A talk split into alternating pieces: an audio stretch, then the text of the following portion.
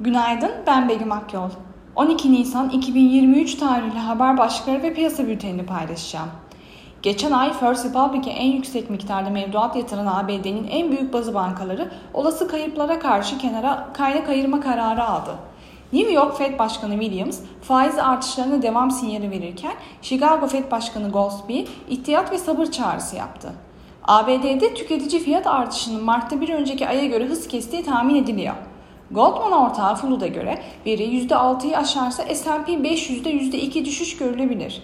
Fed'in son toplantısına ait tutanaklar da bugün yayınlanacak.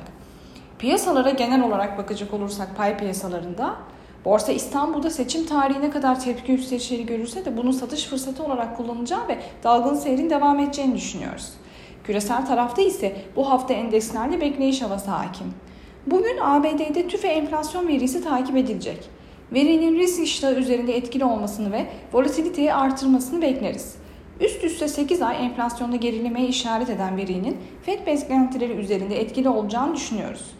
Bu sabah ABD vadeleri ve Alman DAX vadeleri yatay eğilim içerisindeyken Asya endekslerinde ağırlıklı alıcılı bir seyir var.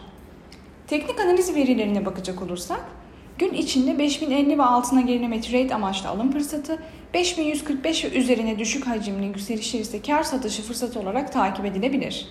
Viyop tarafında ise gün için long pozisyonlar için 5675, short pozisyonlar için ise 5760 zarar kes seviyesi olarak izlenebilir. Borsa İstanbul'un ve Endes kontratının güne sınırlı pozitif eğilimle başlamasını bekliyoruz. Kazançlı günler dileriz.